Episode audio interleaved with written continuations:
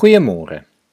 In 1939, kort voor die Tweede Wêreldoorlog uitgebreek het, het die teoloog Dietrich Bonhoeffer, na 'n verblyf van slegs 4 weke in New York, besluit om na Duitsland terug te keer.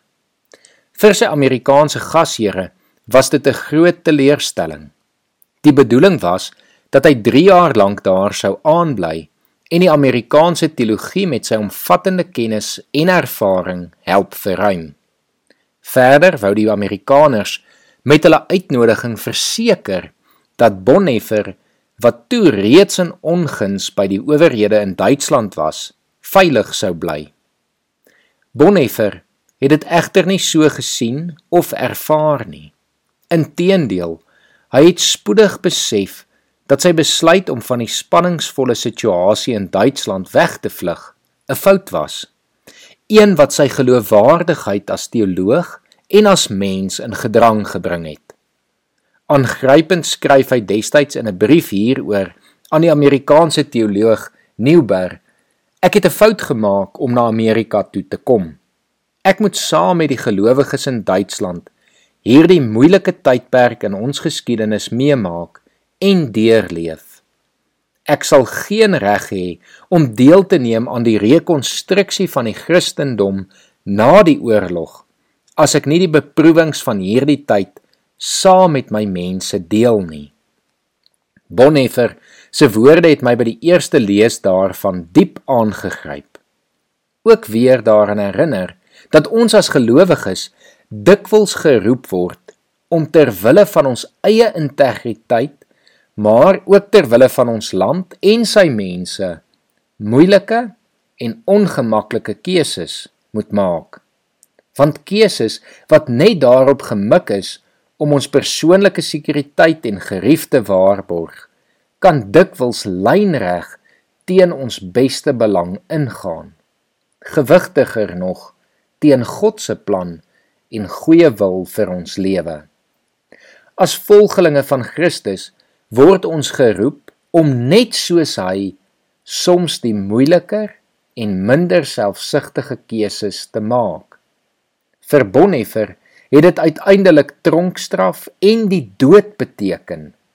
Maar daardeur, deur sy martelaarskap, het hy sy land en die Christendom selfs nog beter gedien as wat die geval sou wees as hy in die veiligheid van Amerika sou bly. Ek lees vanoggend vir ons Romeine 12 vers 9 tot 21 voor wat handel oor riglyne vir 'n Christelike lewe wat so iets van hierdie verwoord. Die liefde moet opreg wees. Verafskiet wat sleg is en hou vas aan wat goed is. Betoon hartlike broederliefde teenoor mekaar bewys eerbied teenoor mekaar en wees mekaar daarin tot voorbeeld. Moenie in julle toewyding verslap nie. Bly altyd geesdriftig, dien die Here. Verbly julle in die hoop, staan vas in verdrukking, volhard in gebed, help die medegelowiges in hulle nood en lê julle toe op gasvryheid. Seën julle vervolgers, ja seën hulle, moet hulle nie vervloek nie. Wees bly saam met die wat bly is en treur saam met die wat treur. Wees eensgesind onder mekaar. Moenie hooghartig wees nie, maar skaar julle by die nederiges. Moenie eie wys wees nie. Moenie kwaad met kwaad vergeld nie. Wees goedgesind teenoor alle mense. As dit moontlik is, sover dit van julle afhang, leef in vrede met alle mense. Moenie self wraak neem nie, geliefdes, maar laat dit oor aan die oordeel van God. Daar staan immers geskrywe: Dit is my reg om te straf. Ek sal vergeld, sê die Here. As jou vyand honger is, gee hom iets om te eet. As hy dors is, gee hom iets om te drink. Want deur dit te doen, maak jy hom vuurrooi van skaamte. Moet jou nie deur die kwaad laat oorwin nie maar oorwin die kwaad deur die goeie. Kom ons bid saam.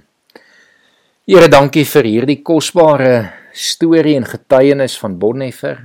Dankie vir hierdie pragtige riglyne wat ons help hier in Romeine 12. Here help ons om dit te gaan uitleef, Here. Lei ons deur die Gees en seën ons in al ons doen en late. Amen.